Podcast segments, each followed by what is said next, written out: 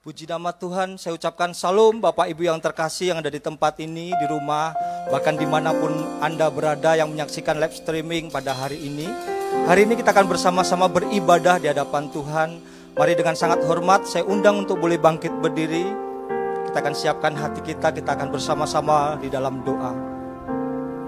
Bapak yang baik Allah yang kami sembah di dalam nama Tuhan Yesus. Kami bersyukur untuk kebaikan, kemurahan, kebajikan-Mu ya Tuhan yang mengantarkan kami kepada pengunjung daripada minggu bahkan bulan Februari ini ya Tuhan. Kami bersyukur untuk semua yang baik yang Tuhan telah limpahkan kepada kami sehingga kami boleh mengalami segala sesuatu yang menyenangkan sehingga pada hari ini Tuhan kami datang merendahkan hati kami di hadapan Tuhan. Kami mau beribadah kepada Engkau ya Tuhan Yesus. Biarlah kiranya Tuhan memberikan pengurapan yang baru kepada kami. Kami membawa korban persembahan syukur kami, persembahan ucapan terima kasih kami. Kiranya berkenan di hadapan Tuhan, kiranya menyenangkan hatimu ya Tuhan. Hingga dari tempat ini menjadi dupa yang harum, yang wangi, yang sampai di hadapanmu ya Tuhan.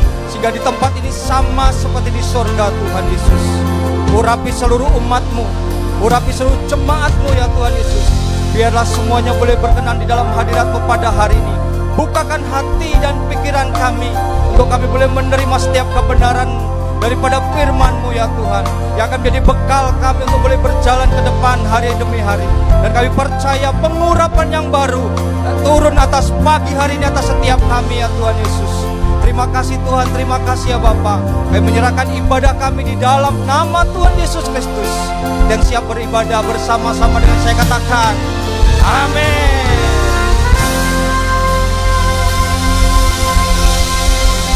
Puji nama Tuhan. Shalom Bapak Ibu Saudara, Shalom. Dengan hati yang penuh dengan ucapan syukur, hari ini kita datang di hadapan Tuhan, membawa pujian yang terbaik, membawa penyembahan yang terbaik di hadapan Tuhan. Amin. Mari kita siap kita berikan kemuliaan bagi Tuhan kita. Haleluya. bulan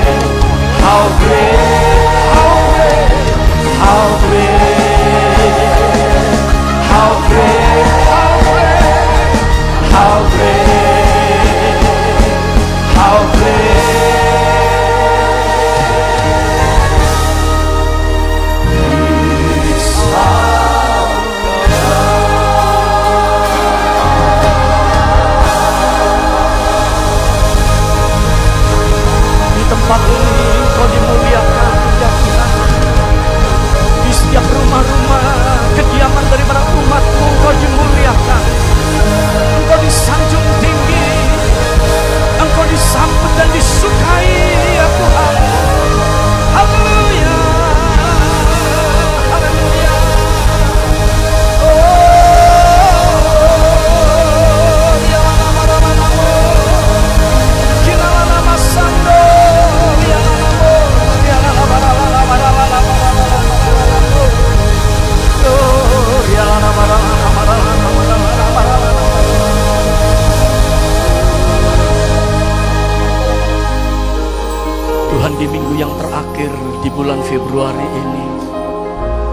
tidak datang dengan tangan yang hampa, tetapi kami datang untuk bertemu dengan Engkau dan kami membawa pujian, penyembahan dan doa-doa kami kepadamu.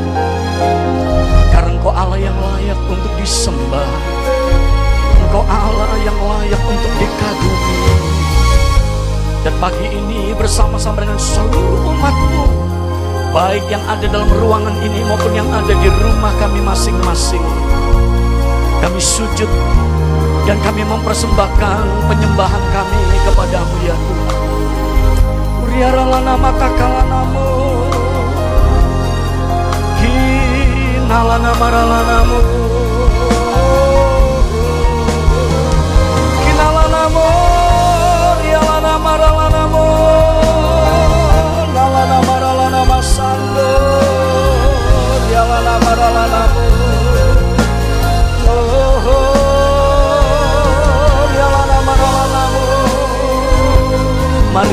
Kita yang ada di rumah Angkat penyembahan. Kita Sembah, sembah, sembah. Haleluya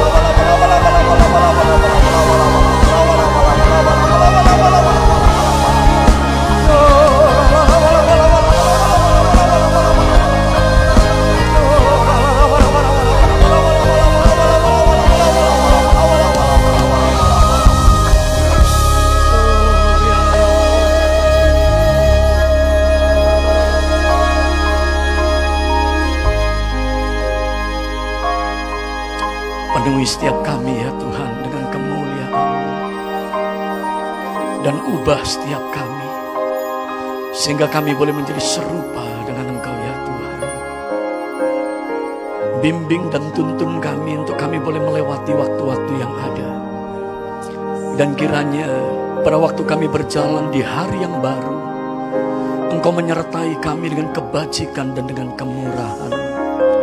Izinkan kami mengecap segala yang baik yang Tuhan sediakan dalam setiap kehidupan kami. Bahkan di tengah-tengah goncangan, di tengah-tengah tantangan, di tengah keadaan yang tidak pasti, kami boleh melihat masa depan sungguh ada bagi setiap orang yang percaya dan mengasihi ya Tuhan. Oh, terima kasih, terima kasih. Terima kasih Tuhan. Bimbing kami dan tuntun kami. Kalau sebentar kami boleh mendengarkan renungan daripada firman Engkau memberkati setiap kami, mengurapi setiap kami. Ini doa kami dalam nama Tuhan Yesus. Mari bersama-sama kita katakan Amin. Sebelum duduk mari berikan tepuk tangan.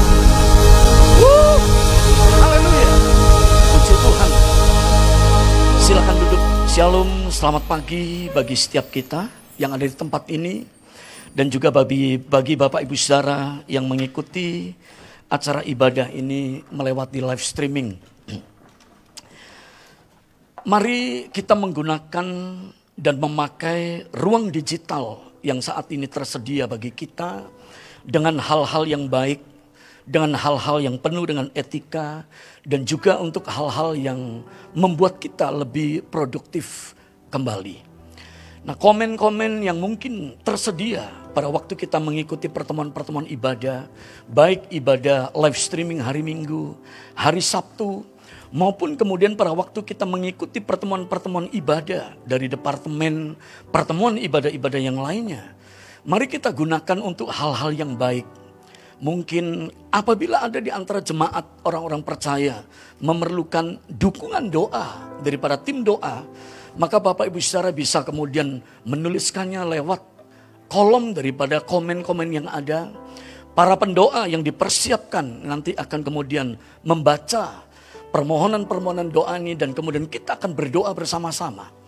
Kiranya di tengah-tengah keadaan yang sulit, maka Tuhan ini menjawab doa kita dan Tuhan membuat sesuatu yang baru dalam setiap kehidupan kita. Katakan amin. Mari kita yang percaya berikan tepuk tangan. Haleluya. Nah sekali lagi komen-komen yang ada mari kita gunakan untuk hal-hal yang produktif.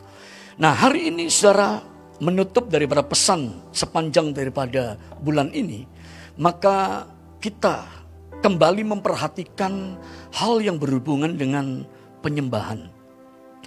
Mengapa penyembahan ini begitu penting dalam kehidupan bergereja, dalam kehidupan ibadah, bahkan dalam kehidupan orang-orang percaya. Dalam sebuah ibadah, maka 50% lebih kurangnya itu dipakai dan digunakan sebagai tempat untuk kemudian kita berdoa memuji dan kemudian menyembah. 50% yang lainnya maka kita mendengar pesan daripada khotbah firman Tuhan. Kemudian juga ada pengumuman-pengumuman yang lain. Sehingga apabila kita kemudian kehilangan fokus kita untuk berdoa, memuji, menyembah. Maka dalam satu ibadah kita sudah kehilangan 50% daripada keseluruhan ibadah itu. Tapi kalau kita mampu kemudian ada hadir dalam ibadah dan kita kemudian mampu menunjukkan persembahan-persembahan kita lewat doa pujian penyembahan dan kita fokus untuk kemudian mendengar pesan-pesan Tuhan, maka 100% dalam ibadah itu kita bisa kemudian menikmatinya. Nah, dalam kehidupan sebagai orang yang percaya kepada Tuhan, worship atau penyembahan ini adalah esensi yang sangat utama. Karena tujuan kita diciptakan oleh Tuhan, kita diciptakan untuk menjadi para penyembah. Pujian penyembahan ini secara sejak kita berada dalam kandungan. Pada waktu Tuhan itu kemudian merangkai kita. Waktu Tuhan kemudian mulai menenun kita. Maka ada pujian penyembahan yang ditaruhkan Tuhan, ditempatkan Tuhan di dalam kehidupan kita. Dan pujian penyembahan ini akan kita bawa pada waktu kita hidup di dunia ini. Bahkan pujian penyembahan kita ini akan kita bawa sampai kepada kekekalan. Karena pada waktu kita kemudian menghadap Bapa yang ada di surga. Dan kita kemudian tinggal di rumah daripada Bapa. Rumah Bapa itu akan penuh dengan pujian dan juga penuh dengan penyembahan. Kalau kita membaca kitab Wahyu pasal yang kelima, maka kita tahu aktivitas apa yang kemudian terjadi di surga. Dalam kitab Wahyu pasal yang kelima, kita melihat anak domba itu berada di tengah-tengah daripada takhta kemuliaan. Dan kemudian dicatat 24 tua-tua yang mewakili keturunan-keturunan daripada Israel. Dan juga yang mewakili orang-orang yang hidup, bangsa-bangsa yang lain yang hidup di dunia ini. Sujud untuk kemudian menyembah kepada anak domba. Sehingga penyembahan adalah aktivitas ibadah yang kita lakukan, yang kita kerjakan bukan hanya di dunia ini. Bukan hanya pada waktu kita hidup. Tetapi pujian dan penyembahan ini kita bawa sampai kita bertemu dengan Tuhan. Dan pada waktu kita tinggal di rumah Bapa, rumah itu akan dipenuhi dengan pujian dan juga penyembahan kita. Katakan amin. Mari berikan tepuk tangan. Haleluya. Kata menyembah atau worship itu muncul pertama kali dalam kitab kejadian pasal yang ke-22 ayat yang kelima. Kata Abraham kepada kedua bujangnya itu, tinggallah kamu di sini dengan keledai ini. Aku beserta anak ini akan pergi ke sana. Perhatikan, kami akan sembahyang. Kami akan menyembah. Sesudah itu kami akan kembali kepadamu. Kata worship, kata menyembah dalam kejadian 22 ayat yang kelima. Ini diambil dari kata Ibrani, saka. Yang artinya tengkurap, membungkuk, meringkuk, menjatuhkan diri, tiarap. Dan juga arti dari para perkataan ini itu adalah memohon.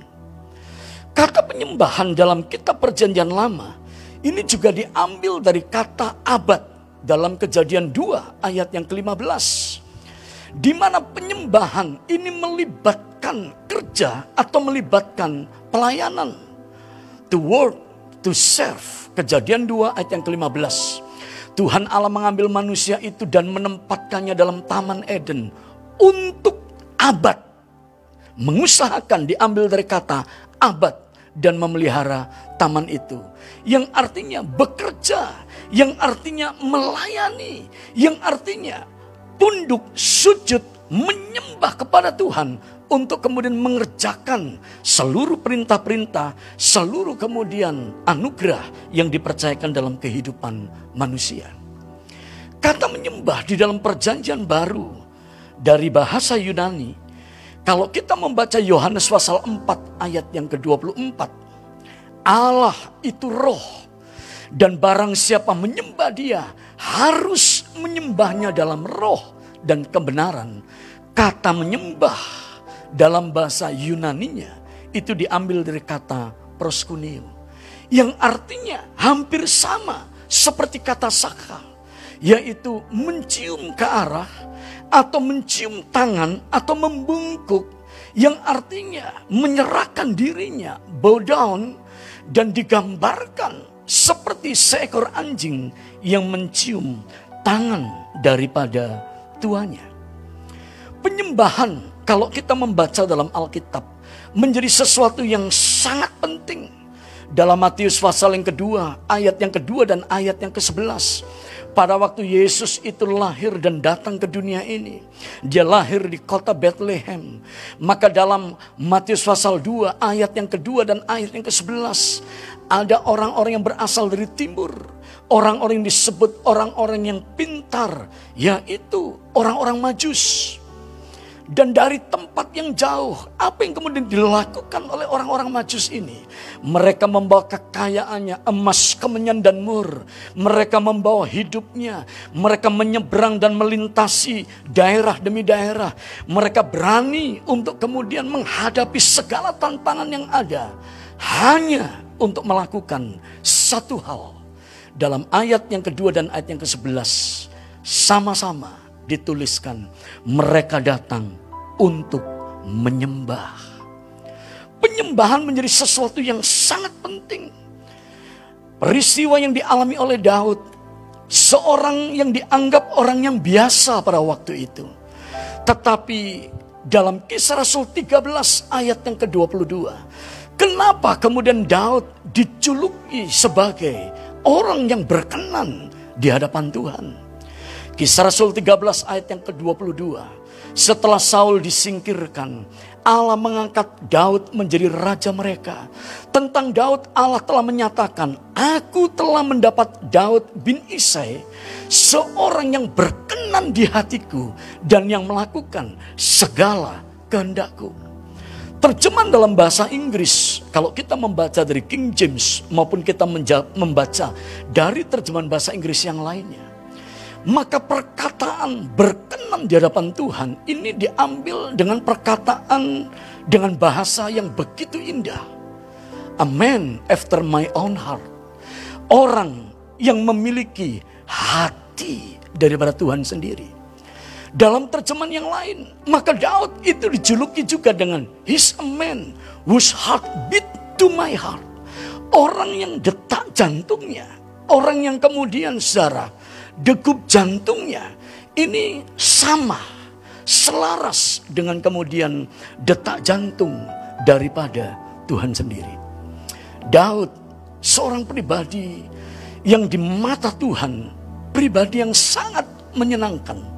Mungkin kalau saya mau katakan, waktu Tuhan melihat kehidupan daripada manusia pada waktu itu, tiba-tiba ada orang yang hidupnya seperti Daud. Tuhan jatuh cinta dengan orang ini. Dan Tuhan kemudian berkata, yang lain tidak perlu ada nggak apa-apa. Tapi yang satu ini, ini adalah orang yang kemudian berkenan kepadaku. Dan apa yang membuat Tuhan ini berkenan dalam kehidupan Daud? Mari kita lihat perjalanan hidup daripada Daud. Pada waktu dia masih secara berada di padang untuk menggembalakan domba yang tidak begitu banyak daripada bapaknya, yaitu daripada Isai. Daud jauh daripada kerumunan orang. Daud jauh daripada panggung yang begitu indah dan gemerlap. Daud jauh dari segala hal yang lain. Tetapi di tengah kesendiriannya, di mana dia bersama-sama dengan domba, di mana dia bersama-sama dengan binatang yang dipercayakan dalam kehidupannya, maka Daud memuji, menyembah Tuhan hanya dengan menggunakan kecapi. Yang artinya dalam kesendirian, dalam keadaan dia seorang diri, dalam keadaan orang lain tidak melihat dia, ia hidup dalam aktivitas rohani yang begitu baik. Ia hidup dalam penyembahan yang begitu baik. Karena penyembahannya bukan untuk dilihat oleh manusia yang lain. Tetapi penyembahannya hanya ditujukan kepada Tuhan. Betapa cintanya Daud itu kepada Tuhan. Betapa kemudian Tuhan ini menjadi kekayaan yang sangat berharga di dalam kehidupan daripada Daud. Makanya tidak heran dalam Mazmurnya Daud berkata, hanya Tuhanlah bagian dan warisanku. Kenapa? Karena Daud sejak dia hidup dalam keadaan sendiri, dia menjadikan Tuhan itu satu-satunya pelipur lara dalam hidupnya. Tuhan satu-satunya tempat untuk dia kemudian berkomunikasi. Saudara, dalam keadaan sendiri, dalam keadaan mungkin kita sepertinya mungkin hidup dalam keramaian. Tetapi kita kemudian mungkin merasa dalam keadaan seorang diri. Bagaimanakah keadaan dan sikap kita. Saya pernah mengalami keadaan yang seperti ini. Pada waktu pertama kali diutus untuk datang ke Sumatera Utara ini. Pada waktu itu saya datang dan kemudian tidak dibekali apa-apa. Karena kami tahun-tahun itu para hamba Tuhan itu cuma diutus dengan penumpangan tangan. Pergilah beritakanlah Injil, jadikan semua bangsa muridku. Dan kami pergi.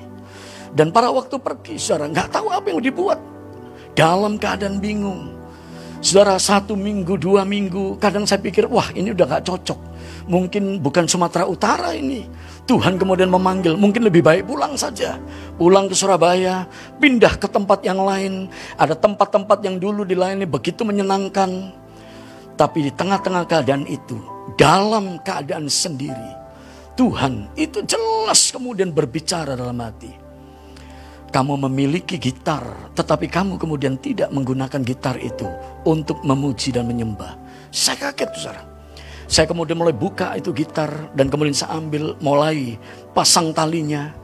Dan hari itu, itu adalah lagu pertama yang kemudian dinyanyikan. Lagu yang pertama yang kemudian saya persembahkan kepada Tuhan. Dan saya kemudian mulai menyembah. Tetapi lagu itu memberikan kekuatan yang luar biasa. Sehingga sampai hari ini kalau saya melihat perjalanan kehidupan, maka saya tahu dari keadaan seorang diri, dari keadaan tanpa harapan, dari keadaan tidak memiliki teman, dari keadaan yang sepertinya ditinggalkan.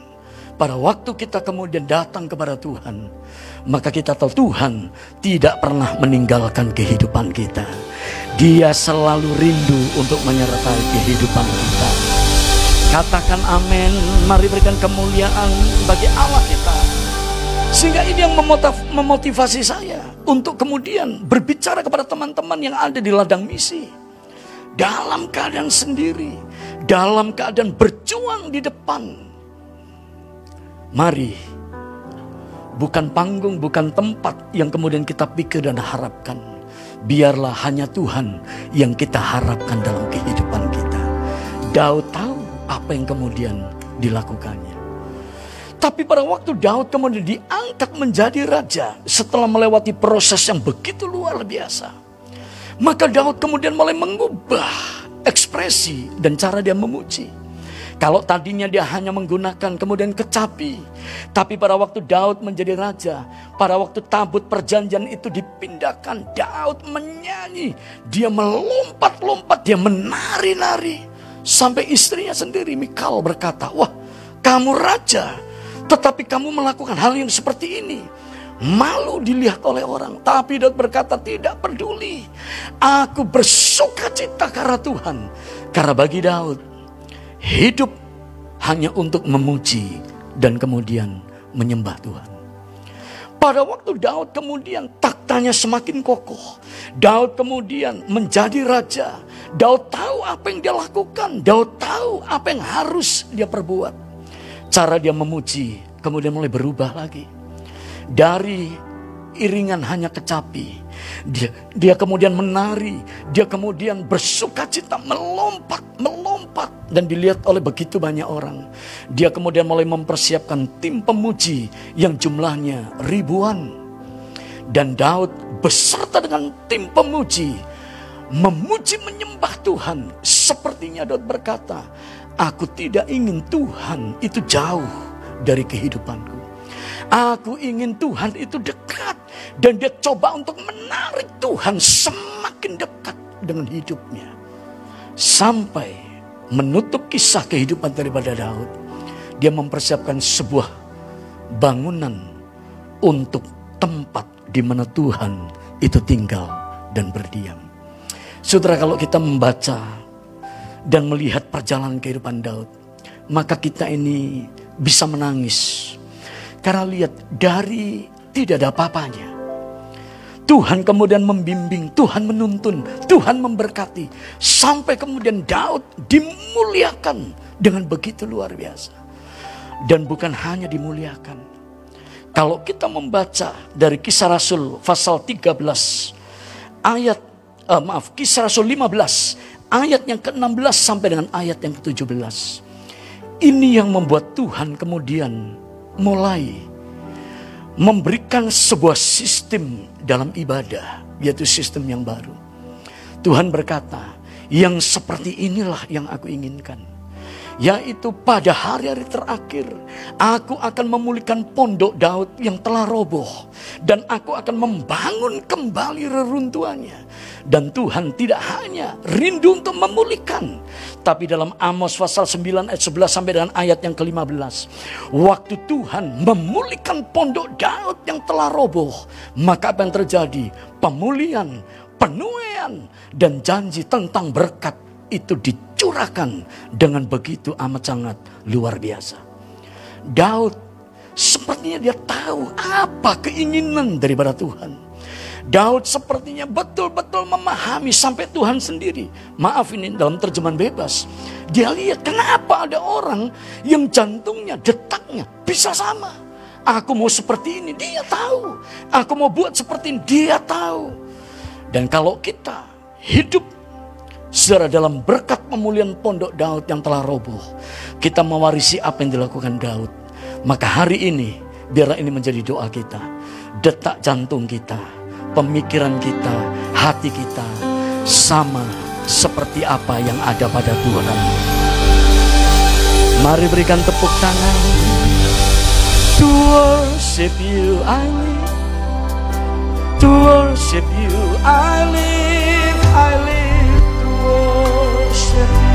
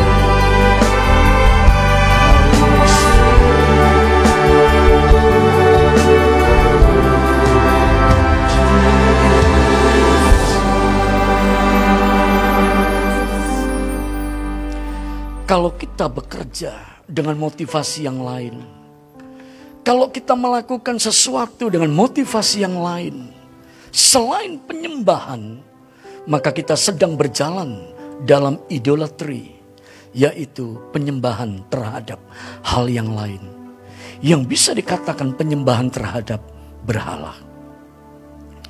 Bagaimana cara kita bisa memuji dan menyembah sehingga kemudian pujian penyembahan menyenangkan akan Tuhan. Efesus pasal 5 ayat yang ke-18 sampai dengan ayat yang ke-19. Dan janganlah kamu mabuk oleh anggur karena anggur menimbulkan hawa nafsu. Tetapi hendaklah ayat 18 bagian terakhir bersama-sama. Dua, tiga. Hendaklah kamu penuh dengan roh. Dan berkata-katalah seorang kepada yang lain dalam Mazmur kidung puji-pujian dan nyanyian rohani.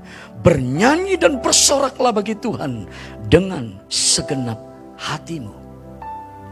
Bagaimana kita bisa menjadi pemuji penyembah yang disukai oleh Tuhan? Efesus 5, 18 sampai dengan ayat 19 memberikan petunjuk kepada kita.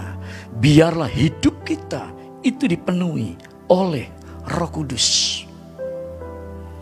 Bukan hanya masalah suara yang bagus, bukan hanya masalah kemudian karena kita suka untuk menyanyi, bukan hanya masalah karena hal-hal yang berhubungan dengan kemudian nyanyian, tetapi waktu kita dipenuhi oleh Roh Kudus, maka apa yang mengalir keluar dari perkataan kita, dari hati kita, itu oleh karena karya pekerjaan daripada Roh Kudus.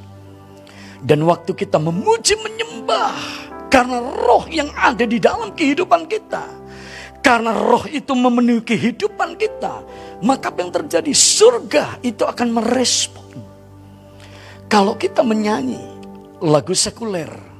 Pertanyaannya apakah surga akan merespon? Kita bisa menyanyi. Kita bisa kemudian menghafal. Tetapi saya yakin secara surga Kemungkinan besar bahkan surga tidak akan merespon. Tapi pada waktu kita kemudian hidup dipenuhi oleh roh kudus. Waktu kita kemudian hidup dengan kekuatan daripada roh kudus. Waktu kita memuji, waktu kita menyembah. Surga akan terbuka, surga akan merespon nyanyian pujian kita. Daud sepertinya tahu apa yang harus dilakukan untuk dia kemudian memuji, menyembah kepada Tuhan. Yang kedua, bagaimana kita bisa menjadi pemuji dan penyembah? Mari kita membaca Kolose 3 ayat yang ke-16. Kolose 3 ayat yang ke-16. Hendaklah perkataan Kristus diam dengan segala kekayaannya di antara kamu. Sehingga kamu dengan segala hikmat mengajar dan menegur seorang akan yang lain. Dan menyanyikan masbur, puji-pujian dan nyanyian rohani. Kamu mengucap syukur kepada Allah di dalam batinmu. Dua hal ini yang diperlukan. Kita perlu dipenuhi oleh Roh Kudus. Dan yang kedua, kita perlu melatih diri kita untuk kemudian hidup di dalam firman. Kita perlu melatih kehidupan kita untuk kemudian diisi dengan perkataan-perkataan Allah. Segala kekayaan perkataan-perkataan Kristus, segala perkara, perkataan-perkataan yang baik, yang mulia, yang merupakan firman Allah, kiranya tinggal dan diam dalam kehidupan kita. Waktu itu tinggal diam dalam kehidupan kita. Waktu kita memuji menyembah, maka yang terjadi Allah itu akan hadir kalau dalam Mazmur 22 ayat yang keempat. Engkaulah yang kudus yang bersemayam di atas apa saudara? Puji-pujian orang Israel. Jangan pernah kita menyepelekan nyanyian pujian dan penyembahan kepada Tuhan. Pada waktu kita menyanyi, memuji, menyembah kepada Tuhan, dengan hidup dipenuhi Roh Kudus, dengan hidup dipenuhi dengan firman, maka pada waktu kita kemudian mulai melepaskan perkataan-perkataan itu, Allah itu akan bersemayam di atas nyanyian pujian daripada orang-orang yang percaya kepadanya. Apa yang terjadi kalau Tuhan hadir pada waktu kita memuji menyembah? Ada dua hal dan kita akan tutup di sini. Yohanes 8 ayat yang ke-32. Dan kamu akan mengetahui kebenaran. Dan kebenaran itu akan memerdekakan kamu. Waktu Tuhan hadir. Waktu Tuhan kemudian berkenan untuk datang. 2 Korintus 3 ayat yang ke-17 sampai dengan ayat yang ke-18. Sebab Tuhan adalah roh dan di mana ada roh Allah, di situ ada kemerdekaan. Dan kita semua mencerminkan kemuliaan Tuhan dengan muka yang tidak berselubung. Dan karena kemuliaan itu datangnya dari Tuhan yang adalah roh. Maka kita diubah menjadi serupa dengan gambarnya dalam kemuliaan yang semakin besar. Waktu Tuhan hadir. Waktu kita mengangkat menaikkan pujian penyembahan kita. Ia kemudian bersemayam. Ia menempatkan taktanya dalam pujian penyembahan kita maka yang pertama yang terjadi waktu dia hadir, kita menjadi orang merdeka. Kita akan dilepaskan. Saya masih ingat Gembala Pembina Pak Bambang dan kita juga sempat menyaksikan kalau kita adalah orang-orang yang mengikuti perjalanan gereja ini sejak dari awal pada waktu kita berada di Medan Plaza. Setiap Rabu itu pasti ada kebaktian tengah minggu. Waktu hadirat Tuhan itu hadir. Kebaktian tengah minggu atau KTM pada waktu itu dikhususkan untuk ministry, untuk melayani. Kita melihat orang-orang yang kemudian terikat, dilepaskan. Kita melihat dan menemukan orang-orang yang kemudian hidup dalam keadaan yang berat. Mereka kemudian peroleh kelegaan dari pelayanan-pelayanan, ibadah-ibadah itu. Dan dari kebaktian hari Rabu, ini kemudian berkembang. Sabtu, terjadi lawatan Tuhan. Dan minggu, wah kita melihat lawatan Tuhan itu kemudian terjadi. Setiap Tuhan hadir, maka apa yang terjadi? Kita akan dimerdekakan dari ikatan-ikatan yang mengikat kehidupan kita. Loh kita nggak tahu apa yang mengikat kita kadang. Kadang kita menyadarinya. Tapi ada orang yang kemudian bisa untuk lepas. Pujian penyembahan akan membawa kita waktu Tuhan hadir, ia akan memerdekakan dan melepaskan kehidupan kita. Katakan amin. Dan yang kedua, apa yang terjadi pada waktu Tuhan itu hadir? Dalam ayat yang ke-18, kita ini akan diubah di dalam kemuliaan. Kenapa orang yang menyembah Tuhan akan menjadi sama seperti Tuhan?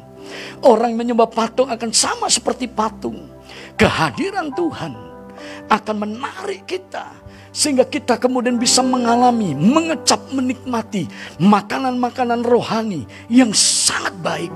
Waktu kita makan, kita bertumbuh di dalam Dia. Kita makan, kita bertumbuh di dalam Dia, dan hidup kita ini semakin diubahkan. Tidak bisa, akan sangat sulit orang ini mengalami perubahan-perubahan.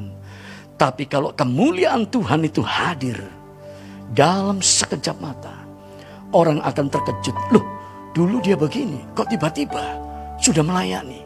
Oh, dia dulu begini, loh, kok sekarang hidupnya berubah. Mengapa? Karena kemuliaan akan membentuk kita. Kemuliaan akan mengubah kehidupan kita. Hari ini, mari kita hidup dan memperhatikan kembali. Kita hidup sebagai seorang yang diciptakan untuk memuji dan menyembah Tuhan. Mari kita bangkit berdiri. I worship you.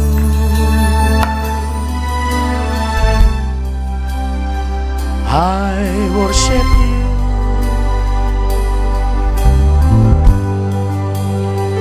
I worship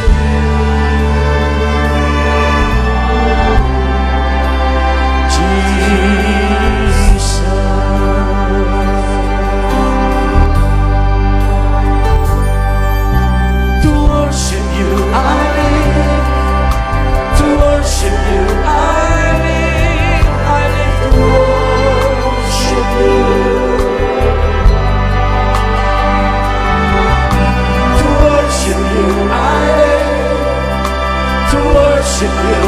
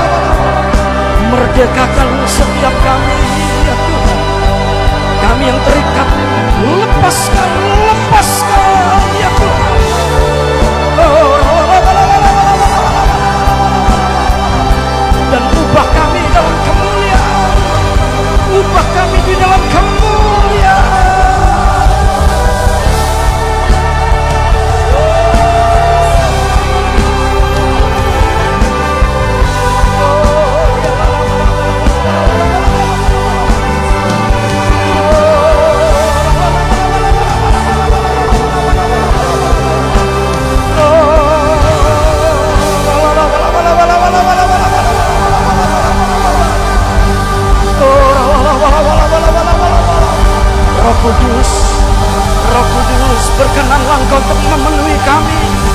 Kami yang ada di rumah kami penuhi kami dengan roh Kudus, penuhi kami dengan roh kudus. Penuhi kami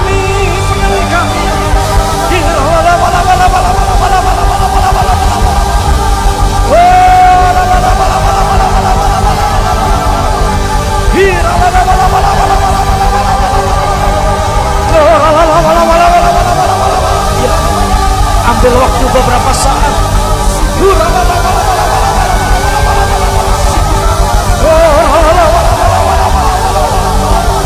Roh Kudus penuhi,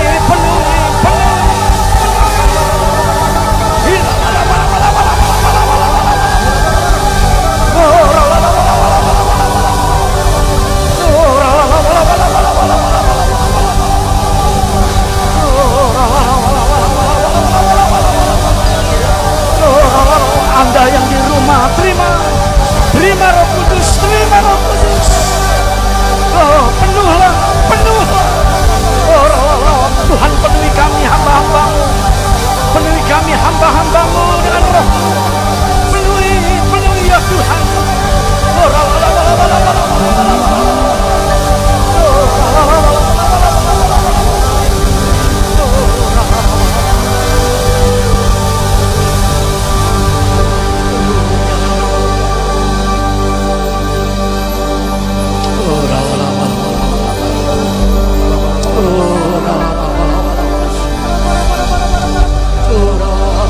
berkati umatmu Berkati, berkati ya Tuhan Berkati umatmu Berkati ya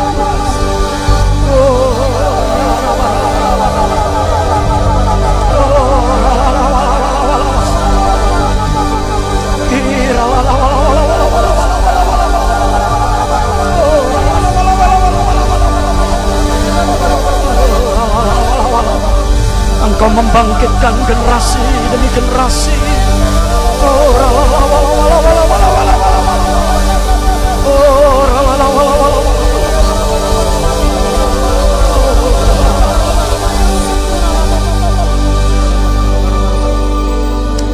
Bukakan tingkap-tingkap langitmu ya Tuhan Dan curahkanlah kelimpahanmu untuk setiap kami umatmu Berkati usaha dan pekerjaan daripada umat. Berkati umatmu dengan kesehatan. Berkati umatmu dengan kekuatan. Bisnis yang dimiliki oleh umatmu kiranya semakin dari semakin kuat. Kami berdoa ya Tuhan.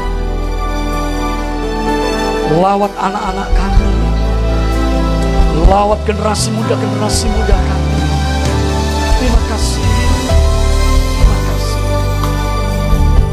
Dan kalau kami sebentar akan memberi persembahan-persembahan yang memuliakan Engkau dengan harta kami. Persembahan buah sulung, persembahan daripada persepuluhan, persembahan daripada persembahan untuk operasional, diakonia, misi dan penginjilan, bahkan persembahan-persembahan untuk pelayanan masyarakat. Tuhan kiranya apa yang kami tabur Engkau berkenan Apa yang kami tabur Kami sungguh mengasihimu Kami sungguh mencintaimu ya Tuhan. Dan kami melakukan semuanya ini Sebagai rasa hormat kami Kepadamu. Terima kasih untuk anugerah dan berkat-berkatmu. Dalam nama Tuhan Yesus. Bersama-sama kita katakan Amin.